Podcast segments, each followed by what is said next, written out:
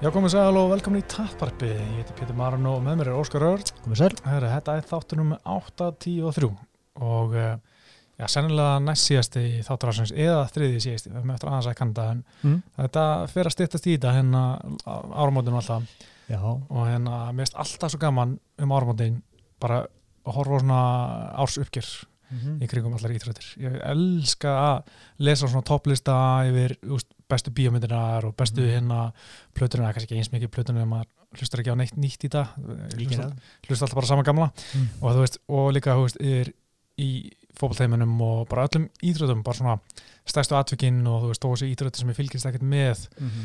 bara svona stærstu atrið, atriðin í heims íþröðum og hérna, og við gerum örgulega eitthvað svona í allan á síðunni Já. og hérna kannski eitt svona jólatapparp eða svona áramótatapparp Mhm. kannski bjóðu einhver, fá Þannig einhver er fleiri með sko Já. til að gera það þáttinn og gerum þetta kannski föstu deg með Mm. eitthvað eitthva hérna ölu höndi eða eitthvað þannig Góð hugmynd. Sjáum til Mhm. og hérna en við munum allan að fara velið núna karti hérna um Mhm. næstu helgi gera upp í næstu viku og svo sjáum við til með áramóta þátt, þannig að það verður gaman Mhm. um, svo sko árum byrjum alltaf, minnast að við erum alltaf í búði viftunar og það er Dóttar fútból og draumalið og eh, Stíf Dagskrám og mælum að kíkja það. Við erum hérna í stúdínu hjá viftunni. Topp aðstöðar þar. Uh, við ætlum auðvitað helst að tala um núna um UFC 245 sem er á lögdæn Mhm. en árum fyrir með það fyrir aðeins yfir síðasta kart. Það sem uh, alls vorum tapað fyrir Jersin og Rosenstrúk Mhm. og óverum var bara tíu sekundum frá því að vinna. Já, það var eiginlega ekkit voðalega spennandi barndað í rauninni, sko. mm. Hann var eiginlega með yfirhundin allan tíman, var að gera þetta bara nokkuð safe og náttúrulega Rósaströk alltaf að leita þessu einu höggi, svo kom svo bara í blálögin og, og það, hann hvart aðeins yfir þetta væri fljótt stoppits, Mhm. en það var það klárlega ekki, sko.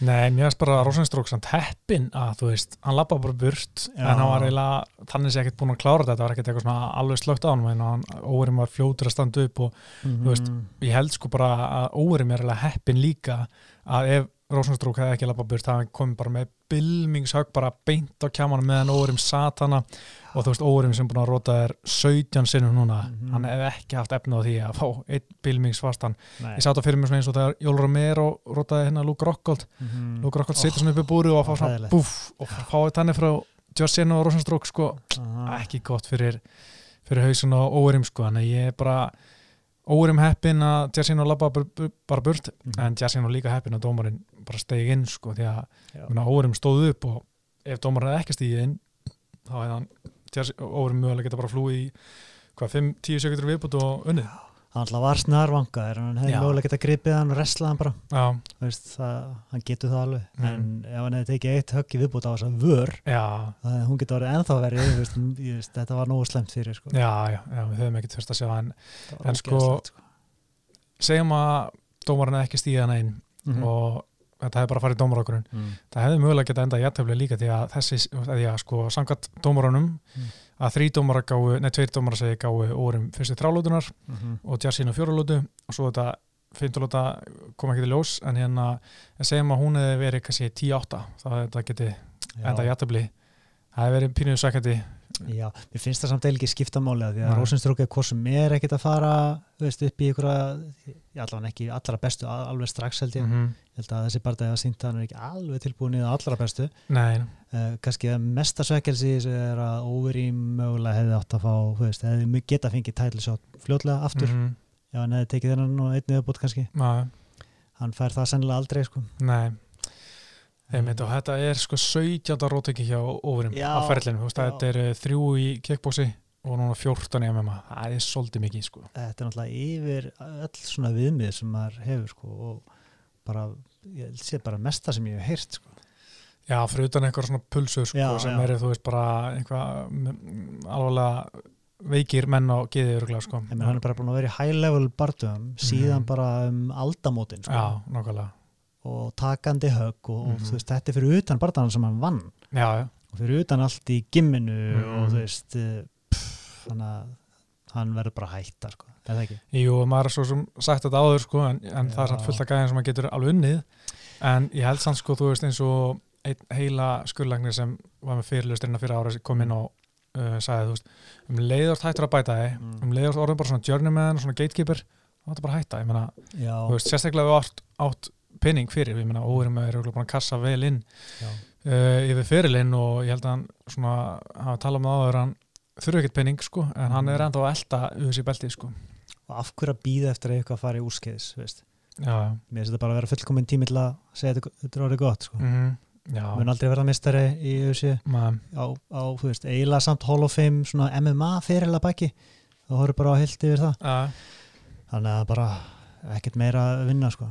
Nei, en ég held að óverum muni örgulega vilja enda þetta á Sigri sko, kannski færa hann eitthvað svona í, í Hollandi, eitthvað kart þar. Það skiptir samt engum máli fyrir aðra veist, eða, ert að ekki fyrir aðra, en, en Nei. fyrir hann sem sjálfan sko. ég meina, þú ert að hugsa um þessar gamlu, gamlu fætira sem hættu. Veist, maður man aldrei hvernig síðasta barndaginn var. Maður hugsaði bara um highlights. Þannig að En það, meina- það er bara, þetta er bara eitthvað í hans huga þá. Já, er, menn er alltaf að tala um að vilja hætta á Sigri, svo en Mm. vinna er og bara herri djúðlega með vel, ég held ekki annan. Ég veit það, það er vandamálið sko.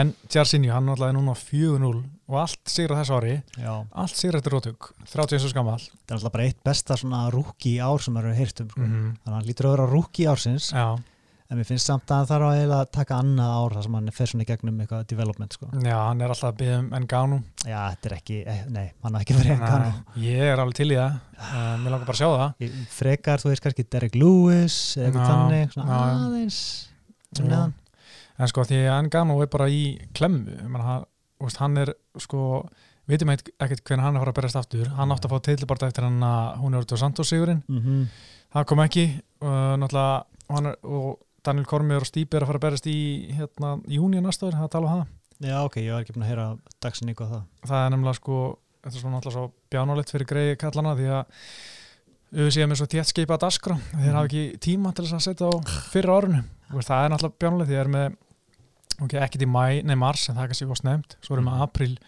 Tony og Khabib, þeir eru ekki að setja stó, annan stóra bara að taka Nei. svo erum við mæ í öruglega í Brasli, að það var allar ekki option hjá Kormir Geta ekki bara uppfært eitthvað fætnætt í pay-per-view? Nei, ég held að það ger ekki tvö pepri á mánuði sko. Nei. ég held að fólk hafi ekki efnaði sko. en ég menna Engano, hann er, þú veist hann er búin að vinna þrjáðaröð, hann held að hann komið til bara eftir, hún hundur Santos rót ekki í, í sumar, Mm -hmm. en hann mun bara þurfa að býða og, og hann er pyrraður sko. Sem ekki að segja alveg skiljanlegt svo sem, er mjög skiljanlegt. en uh, aftur að þessar, þessari vör hjá óverim þú veist, er þetta þetta er, hversu ljótt er þetta á skalanum svona, það sem þú hefur séð í MMA, Þetta var eitt, að- eitt að ljótasta sem ég sé. Ég, er, ég, ég man ekki eftir öðru ljótara, veist. Og, og bara hvaða áhrif þetta hefur þegar ég horfði á það. Ég, ég þóli blóð mjög öðlega Já. og alla skurði og Mm. yfirleitt, yfirleitt kipið mér ekkert upp við þetta. Mhm. en þetta og veist, ég var bara að hugsa um sköplungin og Andersson Silva eða eitthvað, Já, sko, veist, eitthvað sem er svona uh, Já. veist, bara nesti, þetta var bara kjöt Mhm. maður horfði bara inn í hann sko. Já, þetta var mjög ógslegt sko en mér fannst þetta eiginlega verra heldur en Rory McDonald, Robbie Lawler vörun, eða hérna vörun á Robbie Lawler Já. eftir fannst, en að líka en það var það sem var svo ljótt við Robbie er, hann var að öskra þetta með vöruna mér fannst það úgislegt sko uh, mér fannst líka úgislegt með hérna Cyborg og Michael Venom Page höfukúpuna, hún fór bara svona inn sko, var það en það var líka eftir á maður sá bara Já, röggin já, já, reyndar sko, maður sá það ekki í beinni sko. En þú veist, það var með hólu á hausnum það var ógæslegt sko, það var brútal sko. en uh, já, sköplugunum Andersson Silva það var mjög ljótt og öll svona þannig brot alltaf Mhm. með sér löppinu svona lausa sko. Já, en svo var einhver að tala um líka svona bara það sem er í fersku minni sem gerist á þessu ári var náttúrulega nefa Mike Perry Já, það var svolítið kingboyið hann eftir uh, Vísenda Lúka barðan en það var samt ekki svona uh, nei, finnst ekki slæmt við þetta sko. Nei. þetta er að versta sem ég hef séð sko þessu versta- versta annað sem ég hef séð á þessu ári sem er ekki beint svona það var Steff hérna hjá Junior Dos Santos. Já, hólan í löppin á honum. Já, það var frekar næst í það var ógæslegt kannski gerur við topplista bara yfir mesta nesti Já. set, sko. Uh, svo var annar bara hennar sem vakti pínu aðdegli, það var Stefan Strú og, og hérna, Ben Rothwell pungu bardaginn sko fyrsta lagi Ben Rothwell, ég finn til með honum að því að, hann, að því Stefan Strú er svo ógæsla stór að þú veist, með þetta sparka og hefði maður að sparka í, í magan á öllum öðrum í þungatinni, Já. en það er Stefan Strú er sko tveir og ellu eða eitthvað mm -hmm. þá var það bara beint í pungin og maður sá bara strax á Stefán Strú hvað það var ógeðslega vond Já.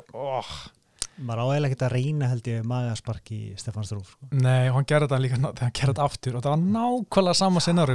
Stef- Stefán Strúar ringsóla til hægri mm. og Ben Ráðfæl kemur þetta spark og aftur og maður sáði líka á viðbrun hjá Ben Ráðfæl, hann bara nei, þetta er ekki að grínast, bara sorry Já.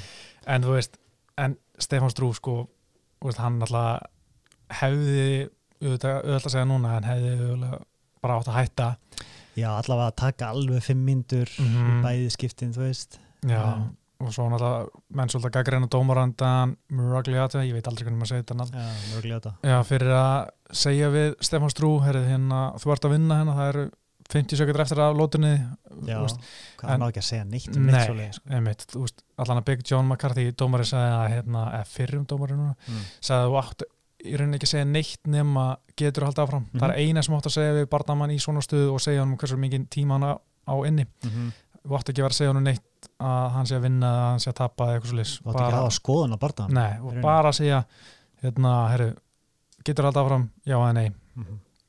Auðvelt að vera vitur hérna einhverstaðar í einhver sofa lengst út í burtu sko. Já, alltaf ímislega sem gerist bara í hýta leiksins og bara eins og marg oft talað um að þetta er veist, eitt erfiðasta jobbið í bransanum að vera dómari inn í hringnum og, og þetta er alltaf að gerast bara núna og öll auga á þér og, Já, og, og gerir mistök Já, ég sko uh, Dan the Tan uh, Mm. virkar á mig sem ágættiskall mm -hmm. en svona ég held að hann láti stundum svona tilfinningarna að hlaupa með sig gunnir sko, eins og með hérna Michael Venom Page hann, hvað tók stiga hann síðast, hann er því Bellator hann var að reyta kýla því að hann var með Mm. smá stæla og þú veist, var bara svona fuss að sveigja svona eitthvað yfir því sem Michael Venom Page var að gera eftir bardaðan þú veist, þú áttilega ekki að gera svona, þú átt bara að vera algjörlega hlutleið skilur, þú ert bara annars en dómari, þú veist. Hann er kannski ekki nægilega faglegur svona heilt yfir það kemur svona stundum fyrir móment þar sem ég hugsa bara, æ, þetta er kannski ekki alveg það besta, en, Já. en ég menna hann er úst, ágætist dómari þannig sé, sko, hann er ekki hann er ekki, ekki svo besti en, en ágættur samt, ekki svo vesti heldur. Nei, all, alls ekki, sko. En uh, Stefán Strú úst, hann alltaf var að tala um, hann hætti mm -hmm. kom svo aftur, tapa núna úst, aftur eins og með úst, af hverju er hann að halda áfram, hann er Mhm. langt í frá að vera einhver meistari og hann, var, hann er ekkert að bæta sig hann er ekkert að fara lengra og ég skil ekki okkur hann er að halda áfram í rauninni það lítur að brenna eitthvað í honum er hann ekki frekar ungur hann ennþá? er 31 sko já. Já, það er alltaf bara kornabötn í þongavett sko. en hann er búin að vera að róta þar átta sinni núna Já, meina, hann, hann greinlega hefur mikið þessu það Já, er já. ekki bara skýringin en þá veit ég ekki, vel, úst, af hverju var það að hætta hana Já, var það ekki bara hjarta dæmið og Nei. ráðleikengar lækna eða eitthvað nei, Nei. þetta var bara hvað, minn en ár síðan sko Já, ok, já, frekar spes vil ég meina, ég, ég kannski ekki alveg með þetta fyrir fram með sko Það en lítur að hérna- endur skoða núna þá eftir þetta sko en þetta var samt ekki svona ræðilegt Nei, rótök sko það var ekki svona eins og maður sé stundum þú veist, það er bara svona eins og gírafi að detta eitthvað Nei. bara svona ó, ógist að langur skilur og, horfa að rótast bara eins og þú veist. Svo, svo markant þannig að já,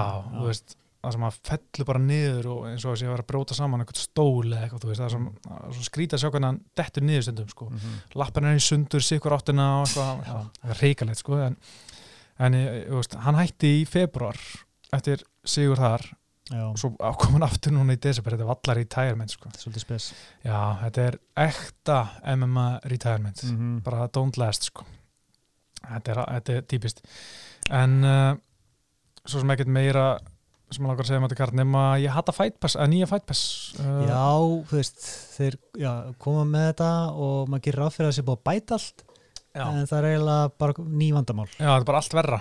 Já, basically sko, ég, ég reyna að hugsa hvað er betra. Það er ekkert betra við þetta þetta er bara nýtt útlið sem er meira pyrrandi og og leitavélinn er ekkert betri, ég var að vona, var að vona líka að væri bara og gett bara valið eitthvað fætir Mhm. og það kemur bara ferillin í tímaröð bara í lista. Já, og getur bara valið og horta á í tímaröð. Já, og náttúrulega, þú veist, eins og við höfum rætt áður að þú getur bara hoppað á, bara byrjun á barda þarf ekki að horfa á kynninguna og líka orðið að horfa á replaya heilu í vendi það kom bara listi af bardagum og getur Já. bara valið hvert þú vil hoppa fram og tilbaka það var þannig þú gæst bara skróla niður, bara hér ég ætla að horfa á þennan. Það var allavega þannig í appinu hjá mér en ekki að setja í iPadnum en ekki í sjónvarpinu. Já, ég gæti alltaf á desktop tölvu sko, var ég alltaf, gæti ég alltaf gert það þannig. Ok. en já, hérna, núna er það bara mjög erfitt allana Mhm. og ég var eitthvað að reyna að horfa á rípliða á sundirum og þetta var alltaf hoppað um barda. Mhm. ég var að horfa á eitt barda, svo bara stoppaði, fókast ég að ná í kaffibólla eitthvað komið tilbaka og ítti að play og var komin allt annað. Og bara, ah, ég djúvillar í pyrrar þessi, ég ætla bara það er bara að downloada eða eitthvað. Þetta er samt áhugaverð hvaða vandamál voru þeir að reyna að leysa? Sko, þeir hætti með flash player sem var vist eitthvað vandamál sem Mm. er vist fyrir eitthvað úrell í dag skilst mér, ég veit ekki sko það er eina sem ég séð að þeir hafa eitthvað svona bætt sem fólk er eitthvað ánætt með. Okay. en ég veit ekki sko, þeir stundum taka svo skrýnir ákvæðin eins og heima síðan. Mm. hún er margkvæld verri, þú veist, heldur hún var. Hún er ekkert að bæta, svona alltaf, hún er ennþá ógeðslega hæg. Hún er búin að vera í lóttunni í svona átta mánuði eitthvað. Þetta er ótrúlega, sko, en já, ég ætla ekki að vera tuða hérna, þetta er ekki tuðvarpið hérna, en ok, næsta helgi, UFC 245 Mm -hmm. Þar eru þetta með geggja kart uh, kart. þrýr titilbarta Kamur Úsmann, Kolby Compton, Max og Alexander Volkanovski uh, titilbarta fjara við þar segja uh, titilbarta bandhætt Kvenna, Mata Nunes og Jermindi Randami, svo bandaveitin Marlon Moraes og Hósi Aldo, bandaveit aftur Petri Jan og Júraði Feiber, þetta er geggja kart klikkað með enkart sko. og hérna prílis líka góður sem förum yfir á eftir líka byrjum við þetta á svona stærsta barðanum og áhugasta barðanum það er Kamar Úsmann og Kolby Compton mm -hmm. og það- sem er svo magnaðan bara það eru ógeðslega líkir. Þeir eru báður náttúrulega wrestlerar. Þeir eru báður 15-1 já, það er mjög ónulegt já, báður búin að klára sjöbarda báður búin að vinna áttabarda eftir dómarákurinn mm. Úsmann er reynda, þú veist, með fleiri rótök og Kóhundur með fleiri submission en ok, eina tapið á Kolby var gegn Valli Alves sem Kamar Úsmann vann eina tapið á Úsmann er gegn Hósi Caceres sem Kolby vann. Þetta er faralegt sko. já, og þeir bara verða að berjast sko. já, einmitt og, og þú veist, auðvitað er þetta frekar svona líki stílar. Þeir Mm. báður að fara að wrestla hvern annan. Já, þeir eru báðir wrestlerar en beitaði samt aðeins öðruvísi og notaði öðruvísi. Kolby vill standa meira og er meira svona volume striker. Uh, eins og ég sá alltaf Dan Hardy kom með greiningu Mhm. á, á Damien Maia svona common anstæðingur mm. og Kolby bara með miklu fleiri veist, mm. spörk og, og högg og hvort það ekki verið fellur líka í maður endar ekki alveg.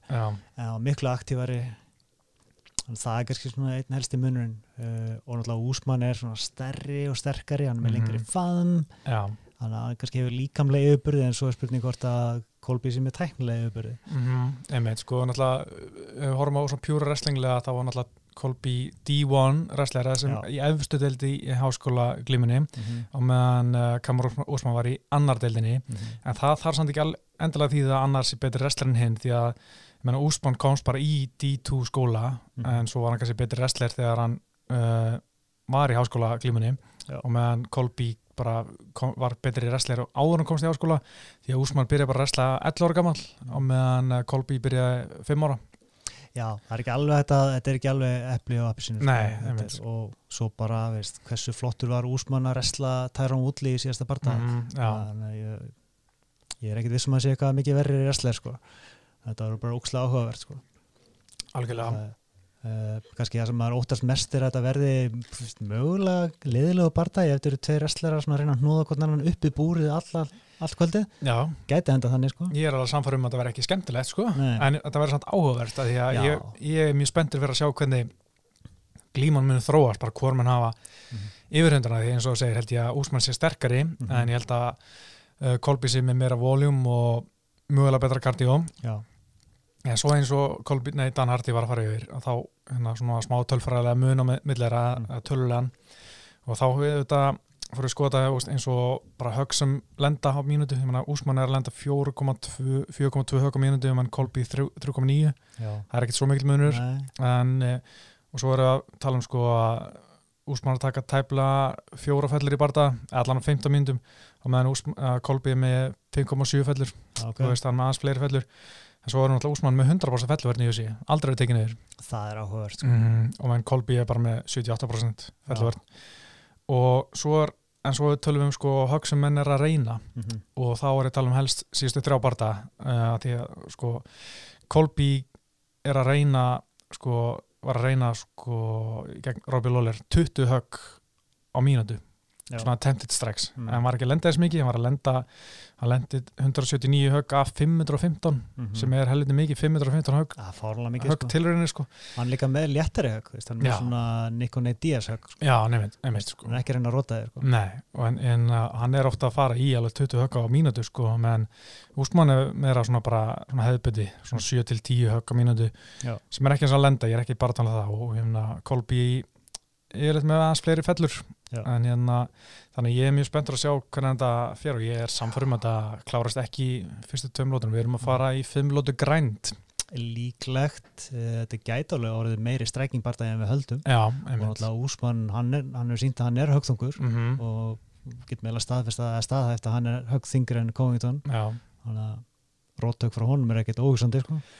Nei, nefnilega ekki sko, en uh, sama Kolbi, hann var svona þannig sé ekki trættur að standa, við, standa með Robbie Lawler. Nei, og ég menna, jú, hann wrestlaði hann mikið en hann, þegar hann stóð með hann fannst mér að vera að hitta ágætlega og hitta mikið. Mhm. en hérna og er með ágættis höggu með svona át einhver högg, högg frá Robby og hann bara brosti skilur hann, hann var ekki að hvað sem hann að fara í skilina að vera svona hrættur og fara strax í teikdani eins og er oft bara með glímenn sko Já, ég fannst eins og samt hann að einhvern veginn að Lawler var eitthvað svo híkandi allan já. bara því hann bjóst við fellunni Mhm. og, og veist, hann aldrei, komst aldrei í rytma nei, nei, þannig en já, en það er mjög áhugavert að þeir eru báðir einmitt sko. og annar þarf, þarf að gefa eftir einmitt, sko.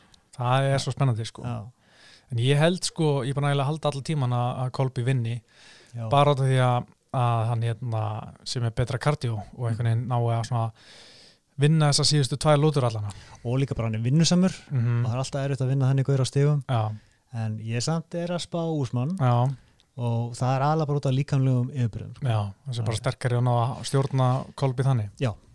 Hann tækir meira bara svona náði stjórninu upp í búrið, náði Mm. snúunum Já, en ég held að þetta verði ekki mikið fyrir auga sko. nei, myndin ég var að horfa aftur á tærum útlibartan hjá Úsmann og þetta er ekki skemmtileg bardaði en hann stjórnar hún svo mikið en Já, náttúrulega Kolbi er allt öðru sér restlar heldur en tærum útli og já, tærum útli alltaf verið mjög svona hann gerir lítið mhm, gerir bara oft sem minnst.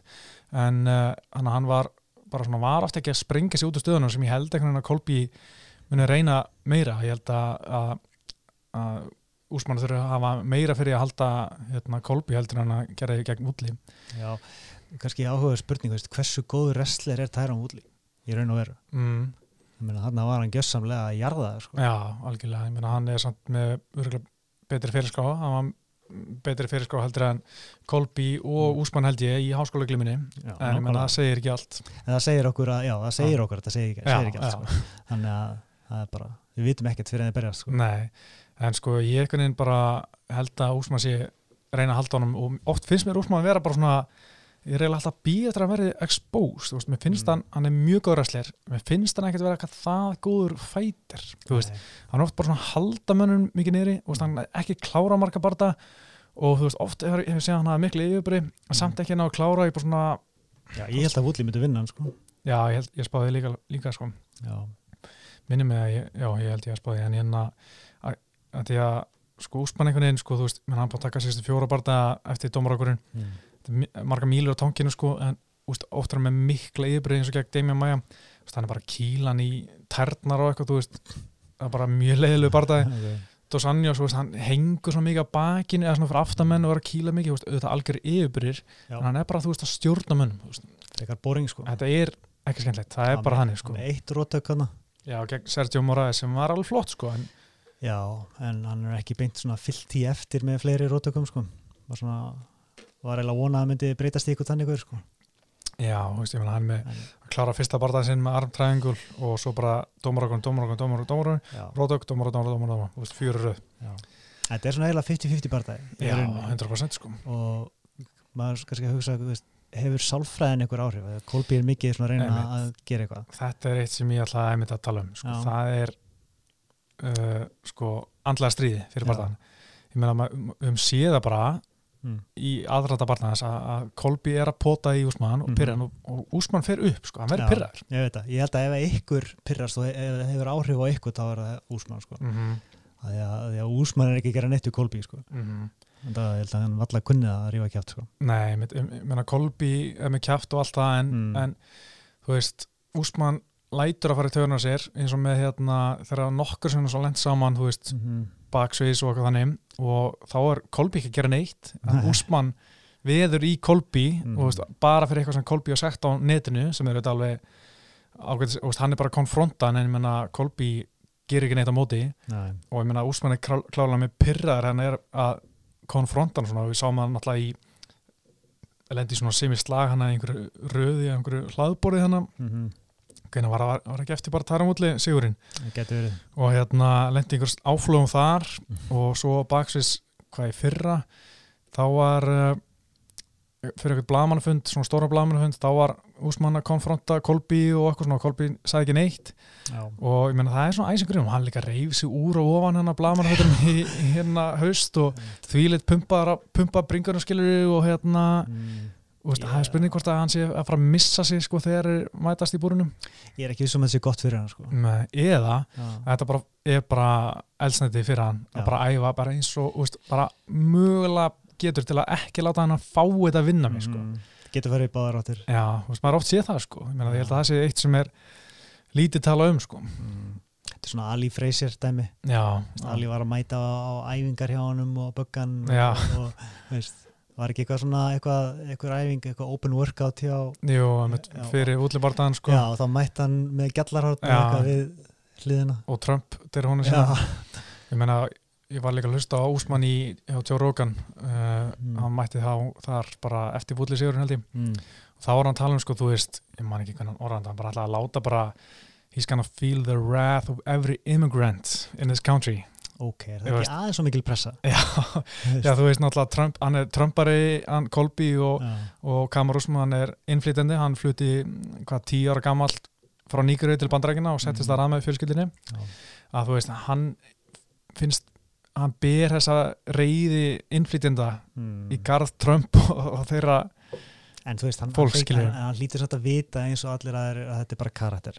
Veist, þetta, er bara, þetta er bara atrið, þetta er leikatrið já, já, algjörlega, þetta er það sko, ég fyrir nokkuð sem nánar í það eftir því að mm. fullt af sögum af Kolby en bara þú veist, hann er alltaf að tala um úsmanna, þú veist, þessi barndagi er eitthvað meira heldur en Ah. bara að berja eitthvað gæja sem er með trastaf, Ok, sko, þetta, þetta eru mistök sko. ég held að hann sé að hugsa þetta allt og mikið sko. hann á bara að hugsa um bardagan, Mhm. hvernig vinjan já, þú veist, hann setja allt og mikla pressa á sig að því Kolberg kallar sér Real American það fyrir taugunar úsmann, sko og því, hún fyrst að vera alveg bandarækjamaður, sko mér finnst það pínu fyndin sko. ég veit Já. að allir hata hann sko. Já. en ég hata hann ekki sko. nei, nei, sko, ég er svona ég myndi ekki segja að ég sé farin að fíla hann nei, en sko, hann er, hann er samt sko veist, þetta er mjög áhugaver, áhugavert að hlusta á fólki í kringum hann Mhm. tala um Kolby, um náttúrulega annars vegar erum við með eins og Dustin Poirier, Jorge Masvidal, Jonathan Jacek mm. sem er að æfa hjá Amerikan Team eins og Kolby sem hata hann, segja hann sé bara eðalega liði, eðalega stemninguna í Mm. gimminu og þú er halda með Kamar Úsmann, þú veist, já, gegn sínum eigin liðsfélaga en svo sjáu þið, þú veist, á flott grein á Emma Fighting sem kom í vikunni að sem eh, tala við liðsfélaga Kolby sem fílan sko. og það er, eru menni svo hérna Tyson, nei, hérna Gleison Tíbá mm. og þeir á ætt mikið saman og Gleison Tíbá náttúrulega brassi og þú veist, Kolby náttúrulega búin að kalla hennar brasilið sé bara filthy dump og eitthvað þannig og, og Gleison sagði, þú veist að Kolby er satt bara, herri, ég er bara hérna djóka, ég er bara að gera þetta til að fá meiri penning og Mhm. Gleison bara, já, ég skilja bara mjög vel og ekkert mál og þeir æfa mjög mikið saman og Mm. eru bara fínir félagar og, og Gleison típa segir að, Kolby komi alltaf á æfingu til hjálpa sér. Já. Þú veist, flestir eru skiljið bara í sínum kampi og hugsa, hugsa um sig fyrir sín barda Mm. og þú veist, ef þeir eru ekki með barda er ekkert að mikið að mæta æfingar til að hjálpa hinnum en Kolby mætar alltaf til að hjálpa öllum í giminu sem vilja. Mm. Bara með wrestlingi sitt og með hérna, fellunar Mhm. en segja hann sé mjög góður liðsfélagi ef þú skilur byður um það sko. og, veist, Já. og hann er mjög góður við þá sem eru með honum sko. og veist, meina, það eru brassarana í giminu sem bara hata hann og, segja, og hérna eins og hérna, að hérna maður með stóra kjölkan hann Antoni Bigfoot Silva Já, já, já. Þú veist, hann er mjög svona emo- emotional brassi og þú veist bara Mm. meikar ekki til Kolby en svo erum við aðra brassa sem sko bara fílan alveg sama þó að hann hafi sagt ljótt um landið og segja að þetta skiptir einhver máli hann er bara að gera þetta til að gr- græða penning og ég meina sem er auðvitað veist, hann er bara að selja sál sína Já, já, orðum sumir þannig. hafa, ekki húmor fyrir neinu eins og þegar Chael Sonnen var að þess að nú gera bræður og sko. Þetta er bara djók, þetta er bara sölumennska já, já, hann er bara með svona akt og hérna, ég meina hann var að segja núna í viðtali bara í síðustu viku eða vikunni að hérna Mm. að úst, auðvitað var að tala segja, þú veist, við ætlum ekki að endur nýja samningin mm -hmm. að því að þú varst ekki skemmtlur Já, svo tók hann þetta Brasilíu promo og þú veist, með You Feel the Dump og hann fekk nýja samning og Mhm. skilur, en hann var samt að löngu byrja með trast og gáður hann að gera þetta sko. Já, en hérna hann var að drulla yfir Írland og Katal Pendert eða þeir voru eitthvað bífið hérna fyrir Mhm. löngu sko. Og líka með mjög gott grín með Hafaldur Sannjós að vera að bróta sinni í inbox aðeins eitthvað Já. á Gmail sem var gott Photoshop grín hann á sín tíma. Þetta er bara Já. þú þarft að standa út úr. Já, en ég held samt að þetta ekki hjálpa honum að fá stærri barda í Nei, ég er ekki trúið svona ég, ég, held að ekki, gert það fyrir hann, ég held að hann sé bara hans árangur hafi alveg talið sínu máli bara. Já, ég er samt ekkert vissum að hann hefði fengið þessa barda veist, eða þá bara annan samning á annan borð eins og varst að segja. Ef hann hefði ekki verið með þetta akt sko. og, meina, hann komið með title barda og undan Mhm. Leon Edwards En sem, meina- sem er veist, ekki en stór karakter. hann átti að fá tætli bara undan Kamur Úsmann en hann skeitt í degi þar sjálfur mm, og hérna það er bara hann, menn hann var eitthvað með eitthvað stæla í samlingaviðröðum og þá bara segir bara ok, við þurfum ekkert að fá því Nei. ég held ekki að þetta sé ekkert að virka það mikið að því eins og þegar hann barist í Robbie Lawler, Mm. það var versta E ESPN sjó árunu með, með við áhorf samt sem áður uh, fólk veit hver hann er finnst mér Veist, þegar Mhm. maður tala við svona casual fans og Mhm, svona já. semi og er bara, að já, fáiðin hann já. þeir myndi aldrei vita hann sko. nei, nei, svo sem ekki, ég veit örgulega ekki hver Úsmann er þannig sé, það pæla ekki mikið honum Nei. sko. já, þetta er svona það fyrir tvennum sögum um þetta og hann er líka, það er eitthvað hann sem hann talaði við aðdóðanda veist, eftir eitthvað open workout mm. það sem hann er bara ótrúlega almennlegur og aðdóndan er að byggja um tips um að hvernig hann komast langt sem fætur hann er bara mjög almennlega við hann og, Mm. Og aðdóðandi spyr hann í lokin bara, okkur er þetta ekki alltaf svona? Einlegar, bara, þetta selur ekki. Já, hann segir það bara hreint út Það er bara málið. þetta er bara heimurinn sem við búum í. Já, það er bara hann en sko árum förum að svona, segja skilið þennan bara, langar með komum smá fáita greiningu, mm við ætlum að gefa Kolbi engun fyrir fáitaskap okay. með nokkur umalið sem hann er sætt innan okay. tíu mest í fáiðskapur já, já, þú veist og hérna, ég ætla ekki eitthvað að byrja á sem ég er stærra tíjan sko okay. en hvað fannst þér um þegar hann sagði hérna um Brasli, you filthy animals eitthvað, you're a dump, Brasil í Já. Brasilu gera alla brasna brjála, þurfti bara major örgiskeslu skora hann alltaf helviti hátt sko. mm. og ógeðslega disrespect sko. mm Það- hann bara dissa heila þjóð já, þú, já, það, það verður að vera nýja nýja, ok, ok ég gef því bara sjö sko okay. en hérna sjö af tíu já. en sko náttúrulega það er búið að vera að kalla á hann hann að þú mynd deyja, þú mynd deyja, þú Já. deyja og kasta bjóri yfir hann og allt á undan og svo svarar hann bara þess að móti ég, set sem, ég set það hátt að því að mér finnst þetta svo rasist sko. já, ég skil það, það er svolítið yfir striki sko. Mm. þú, djókar ekkert mikið með svona rasisma sko. já, ég mitt sko Veist. Uh, en þegar hann var að Kolbjörn segja að hérna, Kamar Úsmann væri á EPO og þess að það var Mm. svona lengi verið að fresta barðanum. Mm. Kamar Úsmann var ekkert að æsa sig við þessu komment og farið því líka ánöndun og hann bara, æ, honum virtist að vera alveg sama. þetta er fjarki Já, ekki. það er ekki, já, er ekki nokkuð algengt að menn segja hingurinn Já, sér styrum og, já, já, ég gef þessu fimm. já, En uh, hérna, Kolby þegar hann var að trubla Dana White þegar hann var í póker, það mætti mig gætar hann niður og já, það var, var svo vandrarlegt. Já, Deina bara, býtuðu, hvað er þetta að gera en að fá þetta uh, það, var, það var ok, það var ókslega heimskulegt um, setjum sjö á það já, ég segi sex. um, Svo í uh, Kolby segist alltaf löðrunga Dana White ef Dana White að sagt, setja beltið, beltið um mitti þegar, ja, eins og Kolby segir, þegar hann vinnur Úsmann. þetta er eins og með pókerdæmi, þetta er bara heimskulegt að vera með eitthvað bíf við, við yfirmanni Já, mitt. Þú veist, ok, þú ert kannski að djóka en, en það er ekki vist að Dana White sem er húmór fyrir þessu Nei, ég, ég- já, sjö, jafnvel átta sko, þetta er svo stúpid. Ég gef þessu sjö sko, því þú veist, þarfst ekki að vera með bíf við Dana White. Nei. Þú veist, það er ekki að fara að hjálpa Nei, þér, þú sko. ert bara að koma hér í vandræði þar. Þú ert ekki að vera að selja þeir sem bardaðum með því að vera með bíf við hann held ég. Nei, að ég held að hann hafi ekki húmór fyrir Nei, ég er alveg samanlega það sko. Svo var hann hérna þegar hann var að tala um með, eftir, eftir Robbie Lawler segurinn, Mm. þá sagði hann að uh, it's a strong lesson Robbie should have learned from his good friend uh, Matt Hughes, you stay off the tracks when the train is coming, Junior. oh, og það var alltaf fyrir það sem ekki vita á Matt Hughes Já. fyrir lest, bílina stoppaði jábrönduteinum og jábröndin, neða lestin uh, bara já, þetta er fór yfir hann og, og hérna Matt Hughes var bara lengi í, í dáu og í vesinni Já, þetta er svona eins ósmekklegt og þú getur orðið sko.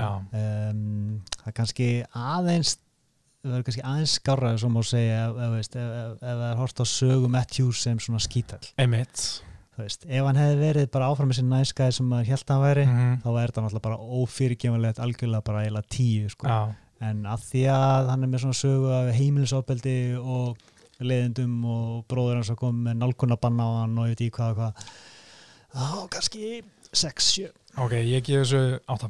Ok. en hérna en aðalega sko ég er alveg sammálaður að maður myndi gefa þessu herri einhvern ef Matthews var ekki svona mikil skítæll Mm. og ég myndi líka gefa þessu herri einhvern ef Matthews hefði ekki bara hleyið þessu sjálfur. Já, hann gerði það á Twitter. Hann, ég man ekki hvernig hann gerði það en hann veist, tók ekki ítla í það. Þannig ég er bara svona ok, þú veist, við þurfum ekki alltaf að móðgast fyrir höndana nei, en svo kemur hann með þegar hann eitt komandi viðbútt síðasta. Mm. þegar Kolby sagði að Glenn Robinson muni horfa Glenn Robinson er bæði vegi gæðin sem átti Black Sillian skimmi, hann átti Jacko vörmerkið mm. og það voru allir Black Sillians, Rassa Demas og Kamar Úsmann og Henry Húft og fleiri, fleiri.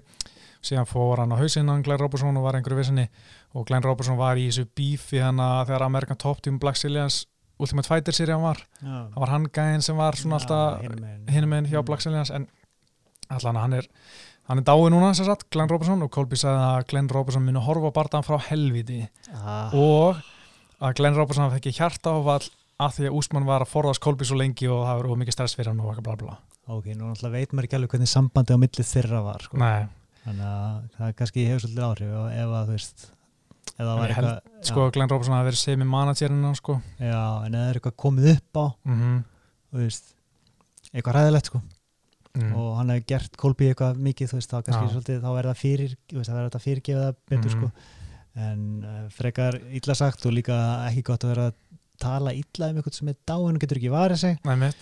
Um, þetta skorur alveg hátt sko. Já, sjö. ég ekki þessi tíu sko. Ok, Tíu- mér mest rasismin verri sko. Já, ok, sko, sko þessi fáið greining sko, hann fætt sjö hjá þér tíu hjá mér núna.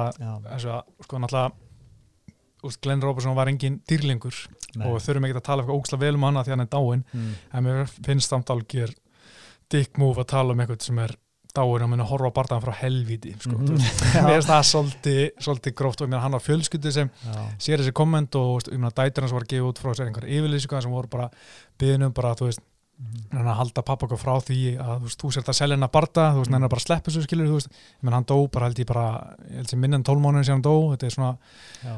Mjög slæmt fyrir örgulega, þú veist að heyri eitthvað fáið út í bæði að tala um að pappi er að sé helviti, sko. ekki gott sko Nei. en eins og segi, maður vantar meira upplýsingar Já, já, veist, þannig að ef hann, hann, hann gerði Kolby eitthvað hræðilegt þá er, er það aðeins afsakanlega já.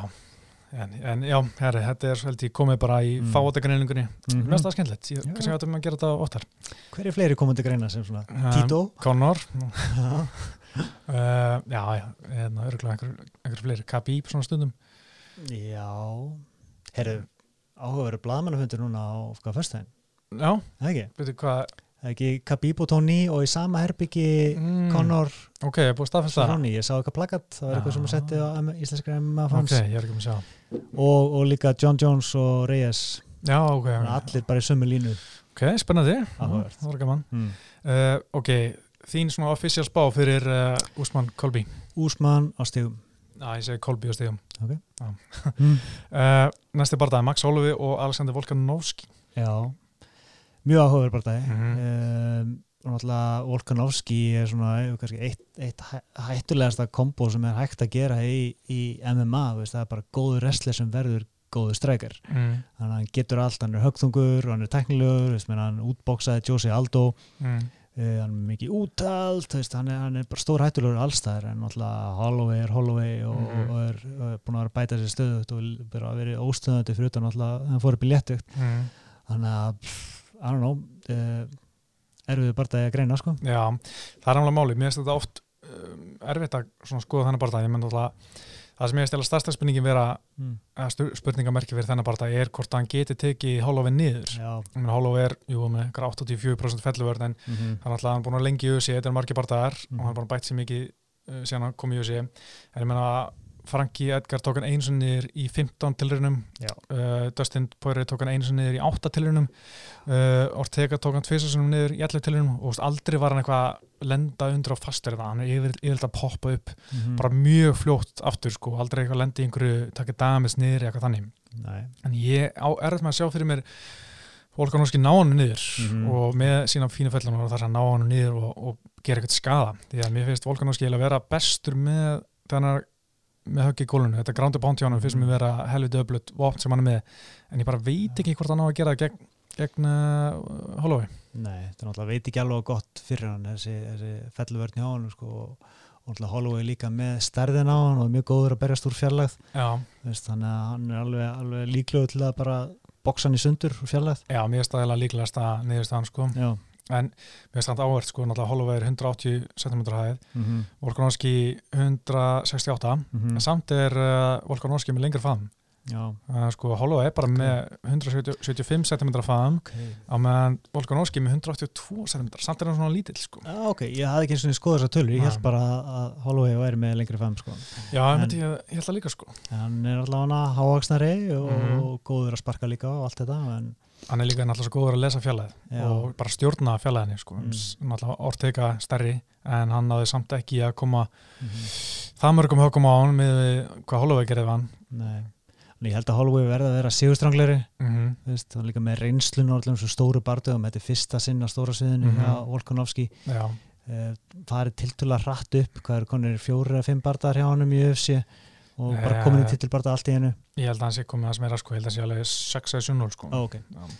mér finnst það að vera svo nýri í rauninni sko. hann er 7-0 sko. og hann er búin að, hann er búin að það er rauninni tveir kannski svona stóri bardagar hjá honum, Mhm. það er Aldo og Chad Mendes það lítið fáránlega vel út í báðum sko. mm. og mér finnst það að vera mjög live dog en mér Mm finnst samt að, að Holloway ætti að vera sigurstrangleiri bara já sko náttúrulega bardaðan gegn Hósi Aldó, hann var náttúrulega ekki sérstaklega skemmtilegur það var ekkert eitthvað svona á fín framestæði og Volkanovski, hann nullaði svolítið út Hósi Aldó og menn, já, menn voru svolítið að tala um og ég held að ég hefur satt það sjálfur að, að Hósi Aldó hafi ekki verið svona hann sjálfur, hann er ekki mætt, hann mætti bara ekki mm. og Volkanovski sagt bara, veist, það er bara bull ég bara nullaði hann út, bara Já. þetta var nákvæmlega sem ég ætla að gera Mhm. og það virkaði og Hósi Aldó náði ekki að gera þetta gegn mér Já. og ég, meina, það bara eitthvað sem var ákast að gefa meira kredit fyrir því að ég held að ég var alveg ég mynd, bara held bara að Aldo hefði ekki mætt Mhm. og þú veist þess vegna var ég ekki allt og samfara um en að þetta var ekki allt og samfarið sigur í mínum huga, Mhm. svona fyrst ég að horfa á þetta sko, en ég meina kannski, og hann segist vera með mjög gott gameplan núna gegn Holloway og Holloway muni vera að hissa á hversu ógeðslega sterkur hann er, ég meina Volkanovski var sko 120 kíló og í rúbbi einu sinni Já, einmitt, það er fáránlegt sko. og hann segist ekki og hann byrjaði þetta í veltvitt og segist, sko, þú veist, þú að þetta er eins og verið með veltivittamanna inni, inni Mm. þegar þú ert á móti mér, sko. Krafturinn. Já, Já, ok, það er alveg áhugavert sko. um, en ég maður einhvern veginn heldur alltaf að Holloway sé með þetta box, með rosa mikið voljum, en þetta samt ekki sam, svo mikið, ég meina Max Holloway er með 6,78 högum mínundu sem er að lenda, mhm, Volkanovski 6,11 já, Mér finnst þessi högg samt í Volkanovski oftast vera í gólfinu, ég held að það sé að skekkja svolítið tölfræðina já. En Mér finnst hann ekki eins og vera eins aktiv standandi eins og Holloway er, mhm. en ég held einhvern veginn að Holloway minni bara svona saxan hægt og, og rólega niður, verjast fellunum. Og svolítið vinna bara eftir, eftir dómarokkurinn líka. Já, það virkar svona líklegast. En samt svona eitthvað típisku bardæða sem verður uppsett sko. Einmitt sko, ég meina þetta eru þrý tillibardagar, Já, ég trú ekki að allir mistrar minna halda beltinu sín. nei, heila útiloka sko. Það gerist aldrei. Það líklegast að Núnes þú veist, haldi beltinu, Já. svo þessi kannski næst. Mm en maður veit ekki samt með síðasta við vorum að segja að hann væri 50-50 Já, sko. sko. þannig að já. En þetta er örgulega fjörugubarda ég held að þetta verði gott fyrir auga þetta verður svona pínustríð sko eins lengi og, og endist þannig sko.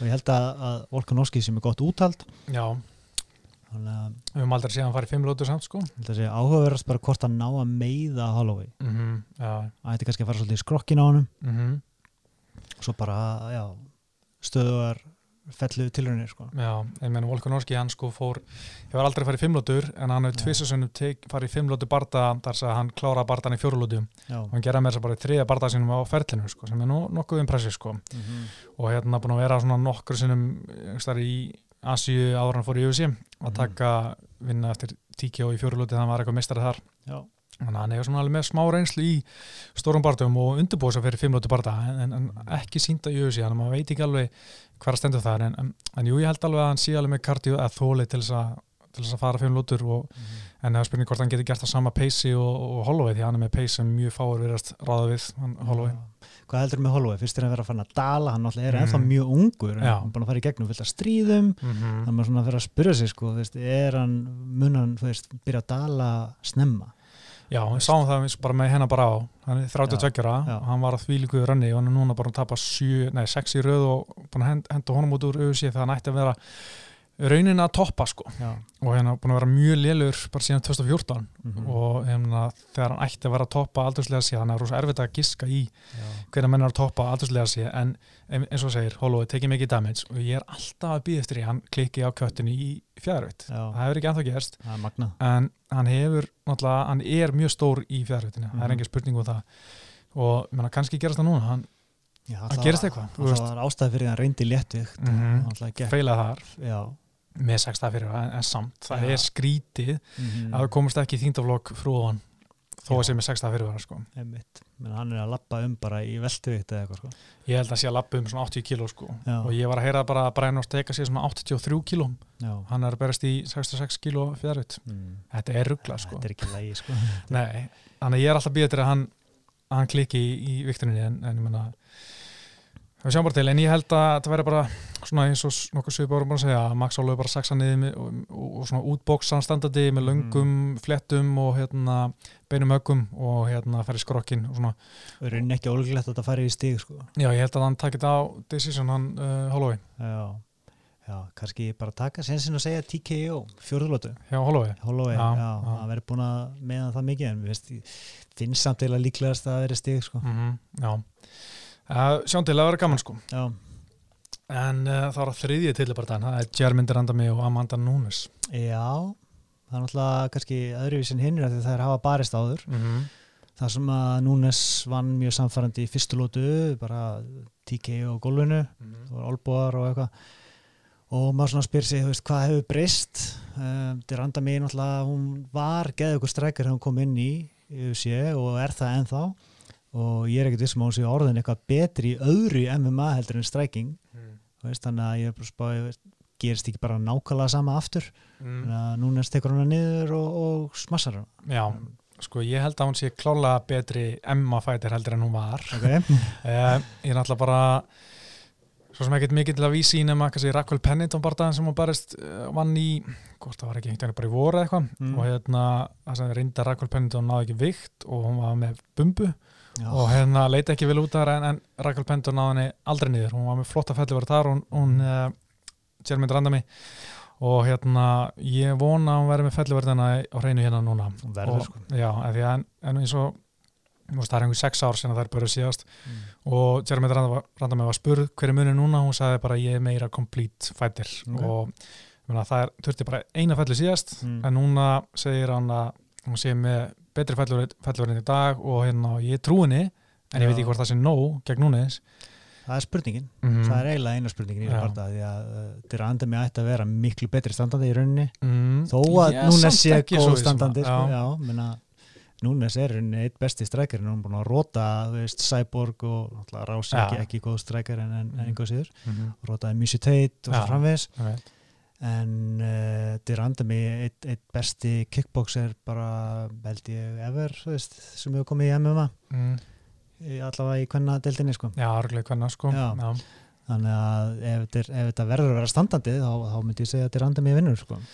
Já, ég, sko, ég nefnilega mér langar að sjá þetta standandi mér langar að sjá Núnes á móti Jeremy Randami standandi Mhm. en, en ég held einhvern veginn, sko, mér finnst Jeremy Randami að svolítið svona klikka á stóru bróni þegar hún eins og mætti Núnes, nei hérna Holly Holm, já, já. það var rosalega leiðileg barða, það Mm. var svona barða sem að hilt þær skemmtilegu standandi, Mm -hmm. standandi stríð en þar var Jeremy Randami rosalega varkar, mikið tilbaka og beitti, og hún gerði bara mjög lítið en samt nóg til að vinna það var líka umdelt hún Já. kýrt hann eftir bjölluna Einmitt, sko. en þannig að þann, þar, þannig að ég er ekki alveg sem að, ég vona að hann verði aggressívari núna, Mhm. en samt spái hvort að hann verði, að verði hikandi þegar hann að hugsa um fellina og náði ekki alveg að sleppa sér en minna eins og gegn Raquel Pendon sem var miklu betri standandi, bara því líku klassamunur á þeim, Mhm. samt var hann svona þú veist, ég er ekki að segja rólega eða svona halda sér til baka en nú, ég hefði viljað sjá aðeins meira svona aggression í hann, þú veist bara að klára hann að gera út af hennar því að Mhm. Pendon átti ekki sens í hennar standandi Nei. þannig að mér staði svona stundu vanta pínu drápsæli sko Mhm. og hún er, mér hann ekkert sérstaklega góð að countera allan ekki Pennington og hérna, hann að ég vona bara að hún haldi góður pressu og svona pressi hans núnis til þess að setja svona, kveikja svona hvað sem er hérna, já, setja bara pressu á núnis já, hún þarf að hafa drápsæli til að vinna núna sko. mm einmitt sko. En má samt ekki pressa of mikið þá opnar hann og fellur. Já, nefnilega sko. Þetta, er- er helviti erfitt fyrir held ég Jermaine Durandamy sko. Já, að ég held einmitt sko að Núnes sé mjög líklegt til að fara í vellu og Já. gera það fyrstu lótu mm -hmm. því hún er alveg svartbelti í Jutsu Já. og pakka henni saman í gólunum síðast og hún er 100% betri í gólunum heldur en Jeremy Randami Mhm. en það er bara spurning hvort að Jeremy Randami sé komið með þessa felluverð sem þarf til þess að stoppa felluna hjá, hjá Núnes og Já. ég er ekkert svo viss um það en ég menna síðast í þeim þá er greip Núnes spark frá Jeremy Randami Mm. og tók hann ni- niður þannig komst bara fljótlega mánt og bara lit olbóna rigg niður hann og þar var bara Jeremy Randami alveg pickfirst Mhm. hún er klárlega unni eitthvað í þessu síðan þá og þetta þetta er síðasta tappi hjá henni en það má samt ekki glemma því að þú veist að hún færði ekki svartbelti í út svo eitthvað nótu það tekur tíma Mhm. og ég veit ekki hvort að sex ár sé nógulega tími því að maður heldur ekki glemma því að Randami er ekki full-time fighter hún er, þú veist, að vinna sem lörglukona bara í fullri vinni Einmitt. Sem er ótrúlegt sko Já, svo náttúrulega annar faktur í þessu að, að Núnes, hún er líka orðin betri sko. Hún er búin að vera að bæta sig alveg stöðut og, og Mhm. litið alveg fárlega vel út þannig að bara fyrir hvert sem er er, er, er erfitt að vinna hana sko. Já, einmitt sko, núna er náttúrulega með þetta 145 pundabelti og er að verja núna 135 pundabelti Mhm. og þá tala um að þetta ætti að vera í 145 pundum þess að þetta fjæðar upp kanna en Jermaine Randami segja nei, hún vildi frekar í 135 pundum af því að það er náttúrulega ekkit annað í búði ef þú verð, ef þú nær að vinna fjæðaröftartitilin þú hefur, varstu bara- hefur ekki alltaf verið á Já, móti nákvæmlega Það Þannig að hvers hún- virði þetta belti sko. Einmitt, þannig að hún vildi frekar taka bandamitt og ég bara er ánægði með þessu ákvörðin hjá henni. Það er mjög skiljanlegt bara, eh, þú veist, er ekki bara komið tíminn til að loka þessari dild. Já, það er ekkert að gerast sko. Það er ekki þar. Nei, en hérna, sko, náttúrulega Jeremy Radami er mjög óvinsal, en hún var rosalega óvinsal hann á tíma. Náttúrulega vann titilin umdeilt gegn Hóli. Já, Þessi tvö hökana eftir bjölluna í fyrstu og annar lóti, eða annar og Mhm. þriðið mann ekki. Það var rosalega dörti. Það Mhm. var bara svona, ég held að hún var til eins að fá þetta ársins já. að það árið sko, Það hjá, sko. í allan í búrinu. Mm og hérna, svo náttúrulega eftir hann vannbelti neyta hann að berist til Cyborg og þegar hann fjall á Livjaprófið 2011 eða eitthvað -hmm. Og hún náttúrulega vissi átt að vita fyrirfram að þú vinnur Holly Holm fjæðar eftir tiðli, þá ferði í Cyborg. Og svo neyta hann að berist til Cyborg og tiðlinn tekinn að henni. Það var fáralegt Hún segir að það hafi verið einhver meðsli. já, hún var eitthvað, hún barist ekkert lengi eftir þetta sko, hún Nei, var en- lengi frá.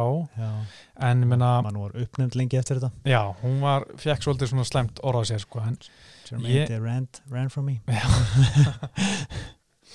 alveg rétt, en meina við hefum síðan að fá svona smá uppristæri, meina hún þetta gerist hann með Holly Holm í februar 2017, Mm. svo barast hann ekkert fyrir henni í november 2018 og svo núna snefnir hann aftur í júli þannig tók Asman Ladd eftir 16 sekundur Já. og það er flott og þú veist og hún er bara að tala um, hún vil bara berast við við þeirra bestu og hún er ekki með neitt skýtkastingar Núnes fyrir hann að barða, Nei. bara herru, Núnes er svo besti heimi, ég að fá að berast við hana Mhm. og sko gerum þetta, hann var svona hún var að koma smá tilbaka held ég svona í almenningsáliti Og hún á barða alveg 100%. já, Sko. já, hún er búin að vinna fimm í röða Já, þetta er bara spurning hvort hún sé með skilsetti til að vinna núna, sko. mm ég meina ég held að þetta sé besti kvennibardaðin sem Núnes getur fengið núna Já. það er ekkert annað í gangi Eina annað, þú veist, það er hann að Viera, hún er nummið tvö, hún er, Það hún er reyndar á spennandi, sama kvöldi reyndar að berjast. já, mér finnst hún bara ógæslega óspennandi sko, bara segja En hún er ekki tapað. nei, nei. Og svo er Aspen Ladd sem er alltaf að tapa hann fyrir Mhm. Jermaine, hann er Já. að veist það er ákvært ekkert annað nei í gangi sko.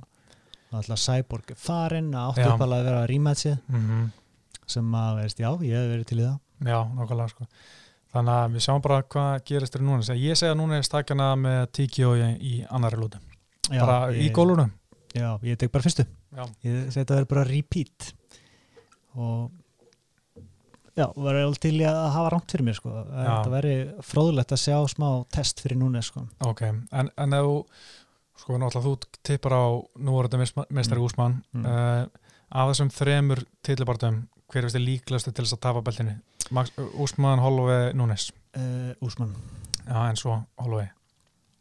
já, já, Já. og mér finnst bara eiginlega yfirgnefandi líkur á núna svenni sko. Já.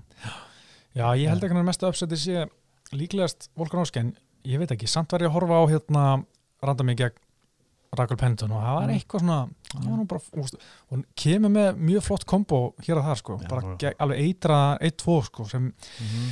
ég væri til í að sjá hana, þú veist, bara bara meiða svolítið núna standardi veist, sjá Mm. svona smá bról sko, ég, ég held að það væri mjög gáðan sko. ég var vel til í það sko. mm. en uh, já, kannski ég er mér slíklegast að Úsmann tapir beltinu, svo Hvað? myndi ég segja já, Holloway og Núnes. Hvað segja veðbankar? ég held að, sko, ég er ekki alveg búin að tjekka því, sko. Þetta er núna sljóta að vera stór favorit sko. já, hún er það, sko, klála og, en ég, ég er svo sem ekki skoða hinnar, sko, við skoðum bara, þú veist Úsmann er með cirka 1,5 á móti Kolby 2,6 Já, ok. Og Holloway Volkanovski bara mjög svipa. Holloway 1,56 og Volkanovski 2,5 mm. en svo Núnes 1,3 1,4 cirka og Jeremy Deranda með 3,4 3,5 Já. það er svona mesti Svolítið, stór favorit sko. já akkurat sko, hún er bara næst stærsti underdogin á kardinu mm -hmm. það er, svo sem er stærsti underdogin er, Ben Saunders gegn uh, Matt Brown Já, ok, mér finnst Mm. það nú eiginlega að vera Býtu, er, er Ben Saunders svona stór underdog? mm -hmm. Ég er að spá honum sigri sko. já ok En þá erum við að tala um Matt Brown sem er að koma tilbaka eftir langan tíma Mhm. Ben Saunders sem er geðugur á gólfinu mm -hmm. og Matt Brown sem er oftur í submittaður Mm -hmm. Ok, uh, en ekki bara að fara í næsta barta það er ekki bar bartaði sem er ekki að vera endanum Marlon Moraes, oh. Hósi Aldó ég, ég, er, ég er meira spenntið fyrir þeim barða heldur en núna spartan já, já það, uh, það er bara sjúkur barðaði mm -hmm. náttúrulega stóra kannski, já, það sem er nýtt í þessu er að Aldo er að fara niður í bandaveikt Mhm. og þannig að það verður spurning hvernig hann lítur út þar og það að vera að fara beint í bara mesta killerinn sem Marlon Moraes búin að vera geðveikur þanga til náttúrulega að Sehudo fann lausn á hann sko. já, þetta var svo skrítin bartaði hjá Sehut og Mm. nei, hérna, Marlon Moraes gegn Sehut hann var að vinna fyrstu tvælutuna já, bara- fyrstu allavega ah, ég held að hann vinni fyrstu tvær sko, að minningunni sko. svona- ég horfði á hann aftur nefnilega sko. já, ok, og, og svo í, í þriði lóti virtist bara Moraes skasa, bara sprakk Já, einhvern veginn. það var bara með einn uh, Sehudo, hann var í geta spörkin Mhm. og var ekki með einn svörfiðum bara og, og var að tröfla rithmann hjá honum svo bara allt í einu, þeir töluðu hann í búrinu bara, "Heyrðu, þú verður bara að pressa hann, þú verður bara að ráðast á hann og hann bara gerði það bara, bara breytti þessu úr teknilegum barða í bara eitthvað Mm. bról og fór bara nálat honum og fór svo bara ræðin njám Já. og, veist, og Moraes brotnaði, basically Moraes Mm. er komið tilbaka núna hann var búin að vinna fjóra bartaðröð fram á því Já. og hérna, var mjög áhört að sjá hann gegn Aldó, ég meina Hósi Aldó að fara fyrsta sinn niður í bandætt og Mhm. þetta er náttúrulega svolítið skrítið hans að fara niður um flokk því að Já. maður var alltaf að tala um hann ætti erfitt með að ná fjæðarvitt hann var í vesen veist, fyrir köttið og, og þetta var bara erfitt fyrir hann. Mm -hmm. svo er hann fara niður um flokk og þú veist það er 33 ára gamall. Það er, uh, áhugavert að sjá viktunina sko. og menn er að posta alls konar myndum á hann sem þeir finnst, fólki finnst á hann lúka eitthvað svona illa, mér finnst hann ekki líta það, er- það ítla út, mér finnst hann bara líta út að vera mjög skorinn. Og ég man ekki hvað að tala um hann var eitthvað 70 kíló ok. Hann í síðustu viku. Hann lítur að vera búin að niður ykkur að vöða já, já, já, það voru 8 kíló eftir held ég í síðustu viku. Hann var samt aldrei eitthvað það massaður eitthvað, það að vera þrekinn sko. Hann var svona með góða rakslir og, og spæsepa og svona en, Mhm. en ekkert neitt monster sko þannig. Na, þetta verður frólega sko, ég bara vona hann þú veist, komist vel í gegnum þetta og þetta Mhm. verður geggjaða barndæði eins og þetta ætti að vera. Já, það verður mjög frólægt að sjá skurðin sko. En ég held einhvern veginn að að hraðin hjá Moraes verður bara meiri heldur en Hósi Aldó 33 ára gamall Höndli. og bara hann er með æskuna líka mm -hmm. og, veist, bara. og það er bara er eiginlega aldrei þú veist, ykkur skyndilausn að fara niður um þingdalokk nefnilega ekki sko. sko sé það marg oft já, þannig að ég held að Moraes, þú veist, ég allan að spáði honum mm en Aldo er alltaf, alltaf uh, þú veist, líkluð til alls sko.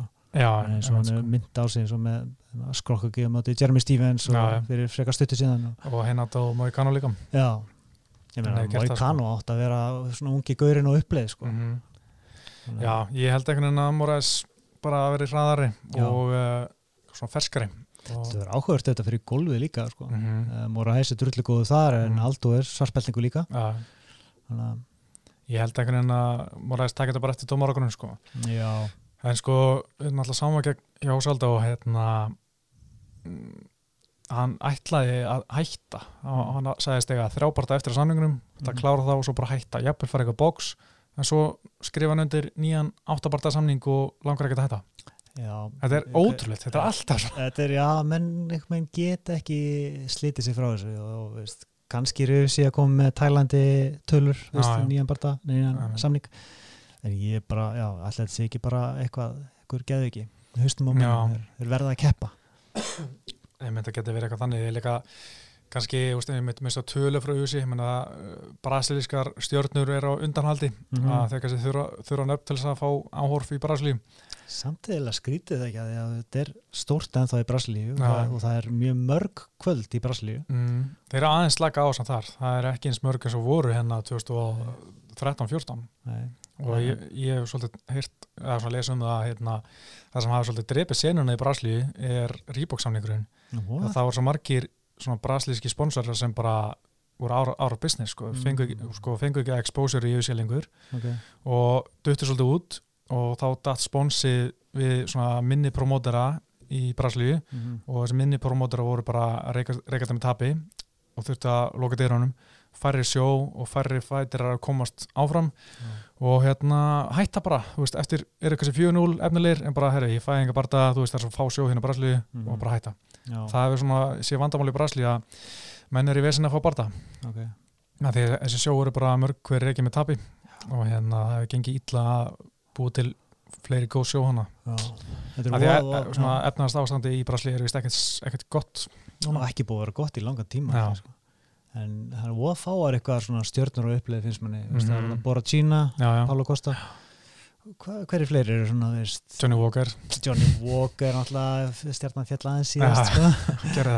þannig að skulum sjá hvernig hann kemur tilbaka já, en ennum það er ekkert rosalega margir Nei. Svona spennandi frá Brasilíu Ætlið er ekki að vera með, bara ég veit ekki hvort það sé rétt munað hjá mér, ætlið er að vera með svona contender þátt bara fyrir eða? jú, þeir gerði það held ég einu sinni eða eitthvað Ok. en svo voru þeir allan með þurfti að cancela einu sinni út af einhverju vísavesinni ég mm. man ekki hva, hvernig það var en það er allan ekkert komið mikið mikið út af því sko en já uh, ég held að Moraes vinni eftir dómarokun Ég ætla bara, ég ætla að segja bara TKO hjá Moraes að Já, hann ok. meiði Aldo bara Já. að verði búin að kötta á mikið veist, og þunghögg frá Moraes, mm. kláran það verður spennandi Já, en svo er að næsta barndagi Peter Jan gegn Júra Feber eða Peter Já, Pan. Ég held að Júræja Faber sé að ofmetnast og þessi gjössamlega klikkaður að Já. fara í þennan unga killer. Mm.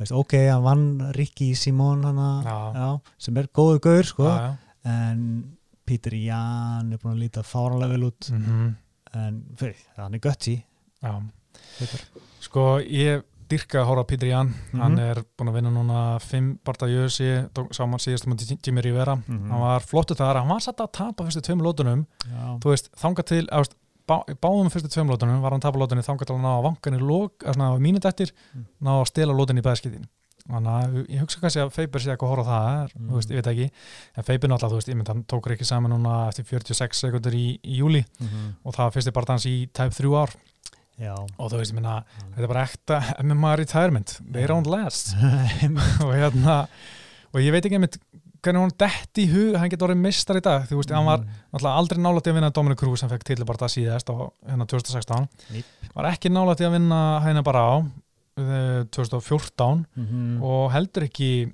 2012 og þú veist bara, hann er aldrei nálætti að vinna titil í þessi, hann er alltaf verið bara svona Mhm. alltaf sko mörgum skrifum eftir mistranum, núna ára færtur og er þetta ekki bara eins og vorum að tala um í síðustu hugu, Ben Askren var að segja þú veist að menn halda þessi betri en þeir eru veist, eins og Mhm. Tito Ortiz var að segja, menn aldrei liðið eins vel er kannski eitthvað, einhverjum söpum ránkumundu bara, ég er bara, mér liðið fárlega vel eins og sé tvítur og ég er bara, Mhm. næja alveg að halda í þess að tvítuðu stráka, en þú veist svo er það bara einhverja ránkumundir sko, þú veist, Svo er raunveruleikin bara annar sko. Já, veist, sé ég- allir í að allt fallegt um er svona skrítin menning sem verður eða, þegar svona lítir en í eins og tíma alfum meil, hann allar var berjast allir bara, já, Mhm. þú ert ennþá með þetta gamli og eitthvað þannig tekur hennar unga strák og sínur honum hvernig að gera þetta Já, þú veist, ég held að Petri Jans er bara að fara að murkan, sko. Já. Ég held að vera bara svona eins og Hósi Aldó gegn hennar Feiber Mhm. sín tíma í WC.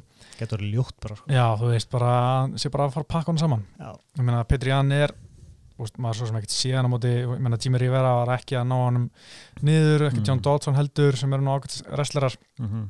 og Feiber fertur hægari en nokkur sinni fyrr. Hann er held ég ekki að fara að taka Petri Jan og, og Feiber, jú, hann er með þessa yfirrandar hægri, Mhm. en ég held að Petri Jan sé bara búin að lesa það í gær, sko. Já, ég held að samt að strategiðan hljóta vera að taka niður eða þá einhvern veginn klína hann upp í búrið og kannski taka bakið á honum Mhm. eins og hvaða barndagi var það sem að klifraði á bakið á okkur um gaur og tjókaðan um, uh, var ekki bara Frankie Sainz uh, já, Alex, Case- Alex Caceres kannski? Já um, Michael McDonald? Francisco Rivera? Maður ekki alveg, já, en það var standandi sko. Já. Uh, það var ekki Frankie Sainz það var Decision já. já, allavega, ég held að Mhm. hljóta að vera eitthvað svoleið sem hann ætla að reyna en Já. ég ætla að vona bara að Peter Jan Ivan verði- Menzi var ok, Standing Rear Naked Choke já, Já, ok ok, sorry Já, já, ég held að, já, ég vona bara að Peter veist, verði aggressífur og gefa hann enga virðingu Já, og bara, veist, lítið á þetta sem hans stóru stund, mm. -hmm. geggja tækifæri fyrir hann, mm -hmm. að opna hann eitt stærsta pay-per-view kvöld bara Mhm. ársins þannig að ég býst við ykkur geðugri framistöðu frá honum sko. já, ég líka Ég vona það líka bara að það væri gaman og þá var hann komin hana og laðum að fá til bara það í bandavitinu en, en Mhm. henni sér út er náttúrulega annarkort að verja belti í flugu eitt fyrst. Hlýtur að fara að koma því. Fyrir ekki, fá, fá ekki Benevitas barðan Já, hlýtur að vera kannski í mars eða eitthvað. Það vantar eitthvað í mars. Já, Já, erum við bara alltaf að fara í meinkarti uh, Eitt barða í príli sem langar að fara svo aðeins yfir. Mhm. hann er náttúrulega Jeff Neal gegn Mike Perry. Já, Þetta er svona power gegn tækni. Mm já bara geggja test fyrir Níl. Já, hann er náttúrulega hvað, 4-0 í USA Já, hann bara þarf að fara að trappa sig upp Mhm. og Perry er góður gatekeeper. Já, gott nafn. Nú hérna, þú veist ég meina Jeff Neal er að koma að segja gegn hérna Nico Price í Já. sumar mm sem var flottu barðaði og hérna ég er bara býst tekninu að Jeff Neal bara svona Já, siglu þessu heim, hann er 4-0 í USA, búin að klára þrjá af þeim Já, hann Já. ætti að gera það sko Já, en alltaf Mike Perry með grótarið höggu og harður og, og Jeff Neal tekur þetta eftir dómarokkunum. Samúla Uh, svo er aprílins, náttúrulega, þú veist að fara í Matt Brown, Ben, ben Sanders. mm -hmm. Ég, já, sko, Ben Sanders er búin að vera svona pínu samt, svona hit and miss, sko, síðustu ár. 36 ára gammal.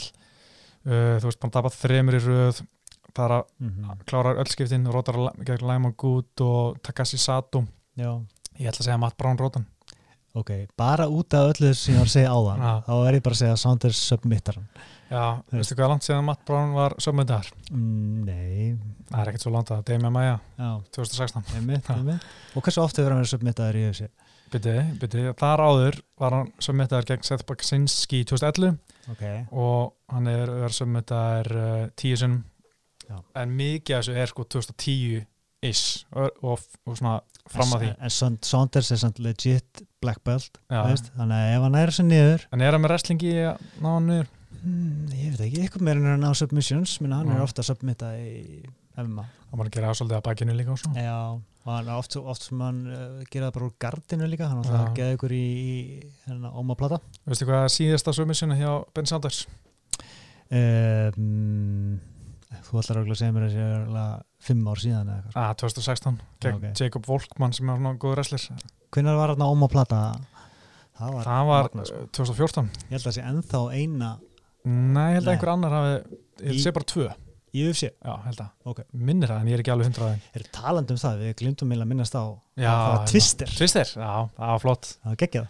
Ánað með að það er submission ásins bara komið. Já, Já er auðvitað að toppa það sko. Já, ég held að Líka sérstaklega þetta er númið bara tvö í sögu síðan. Það er alltaf gaman að, að ná því sko. En ég hlakka til að fara skoða Rótök og submission ásins já, Mér finnst það alltaf gaman sko. mm, Gaman að reyða upp. Ég er svona aðeins búin að vera að skoða. Ég komið nokkur í Rótök ásins já, Alveg svona góða kandidata þar En ég held að við munum aldrei toppa Rótök ásins Ég held að mjög auðvelt að setja nummer eitt bara strax og það mun ekki vera toppað. Ekki þessu karti, ekki 21. desi á mm. en að ég suðu kóri, það mun ekki vera toppað þessu ári Rodríguez, nei. Nei, það var í fyrra. Já, það var í fyrir Ok. Hvað var þetta núna? Ég ætla ekki Já, að segja. jú, jú, það Já, var Masvidal Já, það var rétt. Uh, Svo er hann að svo sem, eitt annað á kartinu sem eru glágett en uh, þurfi ekki að fara yfir það en Mm. eitt sem er ávart, Jessica Ai er í barða nr. 2 gegn Viviana Araujo. Já, og, það er að því hún er hundleðileg já, og líka hún að fara að perja titilin bara síðasta barða Já, og svo er hún komin í barða nr. 2 á prílins á móti óþægtri ykkur, já, Já, það er svolítið hátt fall sko. Svolítið fall from grace. Já, En hún það- var aldrei skemmtileg. Hún var aldrei skemmtilega og hún Hefur aldrei verið, Nei, mun aldrei vera. Nei, og er bara journeyman.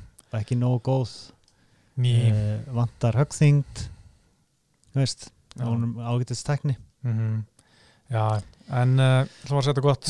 Uh, kom áttur í næstu viku og gerum þetta upp og skoðum hversu rámt við höfum fyrir okkur í alls konar eftirminna. sem er líklegt Já, það er mikið af mjög líklegt sko. Já. Við erum eiginlega sammála um allt nema uh, Úsmann og Kolby. mm Já, svona þannig sé. en samt, samt eiginlega sammála um að Úsmann og, og Kolby Bardanis sé 50-50 þannig, Já, já, já. þannig að segja að, að annar vinni á stigum það, Mm. það er svona ekki dúalega mikil speki sko. Nei, það er það er það ekki sko. En herri, ég ætla að vera að segja það gott. Mhm. Uh, við þökkum áhörðina í dag og uh, Óskar, takk fyrir að koma. já, þér fyrir, svo Uh, takk fyrir að hlusta, uh, verið sæl.